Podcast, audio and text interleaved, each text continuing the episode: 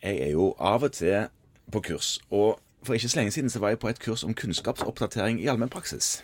Og på det kurset så viste de en plansje over hva man vet mye om, og hva man ikke vet så mye om, sånn forskningsmessig, av hva man holder på med i allmennpraksis. Og det som sto nederst på den lista, Torgeir Giljeli, som er forsker om alkohol, det var hvordan håndterer man alkohol og alkoholproblemer, og hvordan møter vi disse problempasientene, kanskje, i allmennpraksis. Dette visste man veldig lite om, sånn rent evidensbasert. Var det overraskende, Kristian? Nei, på en måte ikke. Jeg tenker jo at det er jo i forhold til sånn som man gjerne setter opp sånn kunnskap i dag, Ja. så skal det jo gjerne være i dobbeltblinde, randomiserte, kontrollerte studier. De er jo de beste. Det er jo de beste, og for de som driver med forskning, så er jo det en slags gullstandard. Gjerne da en sånn Cochrane review på dobbeltblinde, randomiserte studier. Og i så måte så ser jeg for meg at det er visse forskningsmessige utfordringer når det gjelder alkohol. Torgeir, du prøver jo å dra opp denne der eh, jumboen nederst på den lista, sånn at vi skal Mm, kunne mer ja, om dette. Ja. Hva kan du si? Man, eh, for å komme nærmere dette, skal man skrine alle? Hvor mye drikker du? Før du kommer inn til legen, må du svare på det. Det er jo det som har vært anbefalingen i 30-40 år Ja. i den vestlige verden. En har prøvd, ja, en har prøvd, det er veldig mange prosjekter og mye forskning på dette, og har ikke klart å innføre dette på en skikkelig måte. Altså rett og slett ikke fått oss eh, allmennleger og andre i førstelinjetjenesten til å gjøre det systematisk. Og så er det mye forskning hvor de har testa ut dette med såkalt screening og brief intervention, altså det å kartlegge alle, og så gjøre noe med de som drikker for mye eller har tegn på skader. Men når en skal rulle dette ut i allmennpraksis, så bytter de mot. Og det er mange grunner til det, noen positive og noen negative. Og noen av de positive er at den måten å gjøre det på krasjer litt med sånn som vi snakker med folk i allmennpraksis, og mandatet vårt i allmennpraksis. For det å komme til legen, til fastlegen, da har du eh, kontroll på agendaen. Hva skal dette handle om? Sjøl.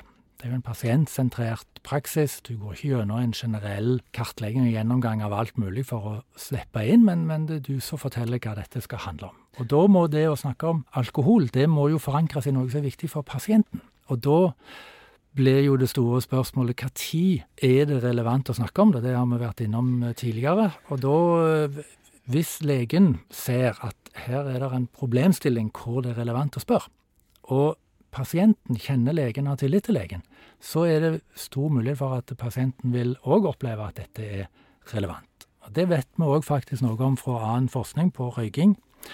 At hvis pasienten opplever at det å bli spurt handler om deres egen helse, og at den som spør, kjenner din egen helse og vil hjelpe deg, så godtar de mye mer enn hvis de tror at den som spør, spør fordi noen andre har bestemt at det skal vedkommende gjøre i alle sammenhenger. Det betyr egentlig det du sier nå, at det funker bedre hvis legen spør fordi pasienten tror at dette har betydning, enn hvis det er et screeningprogram. Ja. Da tenker jeg det er jo noen sånne settinger i en allmennpraksis som er typisk der det åpnes for litt mer generelle spørsmål. Mm. Det kan være disse bli kjent-konsultasjonene med nye pasienter. Der man på en måte prøver å finne ut hvem er du, og hvem er jeg, og hvordan skal vi få dette til å virke sammen. Eh, og da kan man jo spørre om alt fra røyk og alkohol til eh, seksuell orientering, for å på en måte prøve å skaffe seg et bilde av, og det oppfattes i de fleste tilfeller som legitimt. De andre er jo disse EU-kontrollene, eller årskontrollene. Disse der det kommer en mann i 50-årene med, med lapp for kona der det står kolesterol og PSA, eh, og beskjed om å gå til legen og sjekke seg ut. Og så glemte kona å skrive rødvin eller øl eller et eller annet sånt på den Ja, lappen. Det, det kan jo være fordi hun selv drikker den rødvinen til, til lunsj, men det, vil det være en sånn setting der man typisk vil ha suksess med å trekke det inn som en del av risikofaktorene? Ja. Det er en eh, studie altså På ene sida har vi jo da veldig mye forskning på at dette har en ikke fått til. Altså det å spørre alle. Og det er store programmer hvor de har brukt mye ressurser på opplæring av allmennleger. Pusha veldig på, hatt folk ute på legekontorene gjentatte ganger.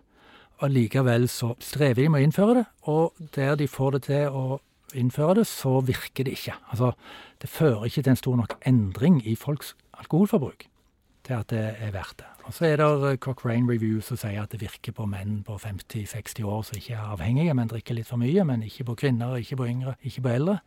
Men hvis du forankrer det i pasienten sin situasjon, at det er relevant for pasienten, og det kan jo være enten pga. helsa, som vi har snakket om, mange ulike helseproblemer hvor alkohol er relevant å snakke om, enten pga. tilstanden eller pga. behandlingen de skal få. De skal få medisiner eller pga. andre ting med helsevis. Og så har du disse mer rutinepregede situasjonene som du spør om, Kristian. Hvor alt fra offshore-attester for de som gjør det, til eh, helsesjekker og til eh, første svangerskapskontroll. Og de gangene vi snakker med folk om livsstil og helse litt generelt.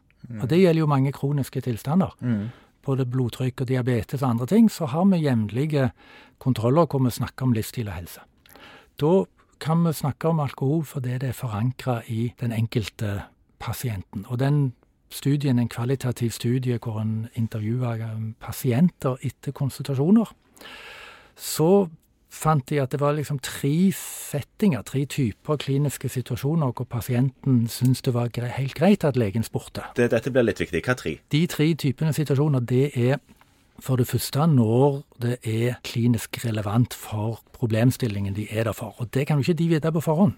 Så hvis legen klarer å godtgjøre at dette er faktisk relevant å snakke om fordi du har denne problemstillingen F.eks. psoriasispasienten. F.eks. psoriasispasienten, eller blodtrykk, eller søvn, eller hva det måtte være.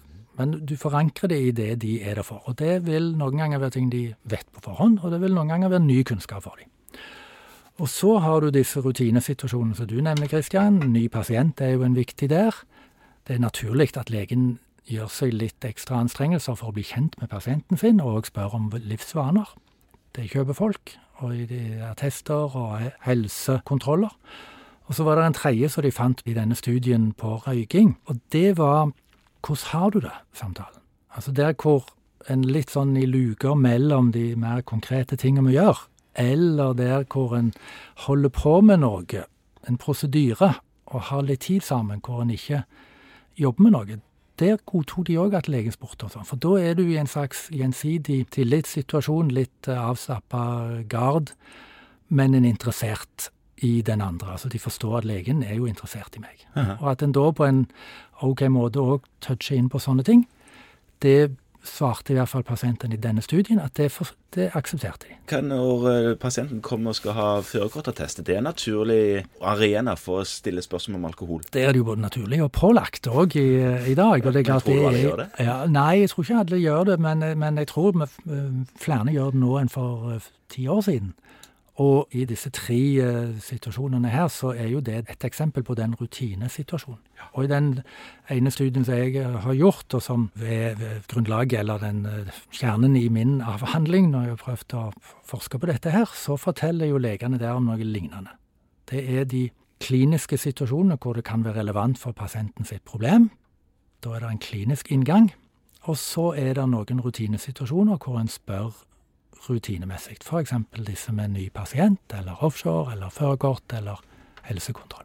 Så det ligner veldig på det de fant at pasientene fortalte i den danske studien på røyking. Og det syns jeg er veldig interessant, for da, da er det i hvert fall tegn på at her er det en Med pasient og lege så er det et, et grunnlag for å bli flinkere, for at det er en vi kan gå ut ifra en enighet om at hvis legen kan godtgjøre at det er relevant for den bestemte, den spesifikke pasientens helse, så har du ganske frie tøyler fra pasientens side til å snakke om det som du faglig sett mener kan ha betydning. Men jeg bare hengte meg opp i en liten ting som du sa, som jeg tenker er litt viktig. Og det er jo og, og interessant i forhold til det vi i en tidligere podkast har sagt om screening.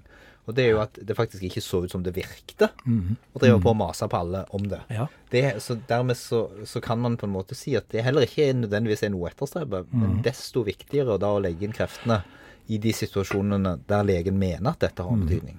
Det er jo det det handler om i alle sammenhenger, og som en kanskje har glemt i noen screeningsammenhenger. Altså, ressursene er begrensa i hele helsevesenet, selvfølgelig. Det er veldig mange viktige ting vi skulle ha gjort. Og hvis en ut ifra at én bestemt ting er viktig, sier at dette skal vi gjøre med alle, så vil vi både bruke mye ressurser og spille mye tid, og oppleve mange ganger at det ikke nytter. Men hvis vi klarer å bli flinkere til å finne ut tid er det relevant å gjøre det sånn? Når er det relevant å spørre om alkohol? Når er det relevant å måle en annen ting? Og hele tida prøve å bli flinkere til å kjenne igjen alle de situasjonene. Så vil vi når det gjelder alkohol, både kunne bruke det mer målretta, og samtidig òg med det vi gjør, formidle til pasienten at dette handler om helsa di. Det er derfor vi snakker om det. Jeg er ikke ute etter å finne alle som drikker for mye i min praksis. Det er ikke mitt mandat og min oppgave. Men jeg er ute etter å finne ut hva er det som betyr noe for de helsene du har et helseproblem eller en kronisk tilstand. Kan det òg henge noe sammen med, som du var inne på her litt tidligere, at vi er interessert i å finne de som har et forbruk som enten er for mye, som du sier, altså som er et rusforbruk, men også de som relativt sett har et helseskadelig forbruk. Mm. Og at det er såpass variabelt for den enkelte. At det å på en måte Ved bare å telle dette i antall enheter, så vil den på en måte forsvares med veldig vanskelig å bruke noe hvis det ikke er satt i en korrekt faglig kontekst. Som om vi hadde målt kolesterol alene av alle og bestemt eh, risiko for eh, hjertesykdom bare ut ifra det, uten å se resten av helheten, både resten av profilen på lipidprøvene eller eh, livsstil for øvrig, eller arv. Akkurat sånn er det på alkohol òg. Det er en faktor som vi trenger å vite noe om ja. i de tilfellene der det spiller inn. Kan, ja. Og det er nok litt mer enn de fleste fastleger i dag tenker over. Det er helt sikkert at det er mye oftere enn det vi kommer på. Og så skal vi allikevel ikke spørre alle pasientene alltid om dette.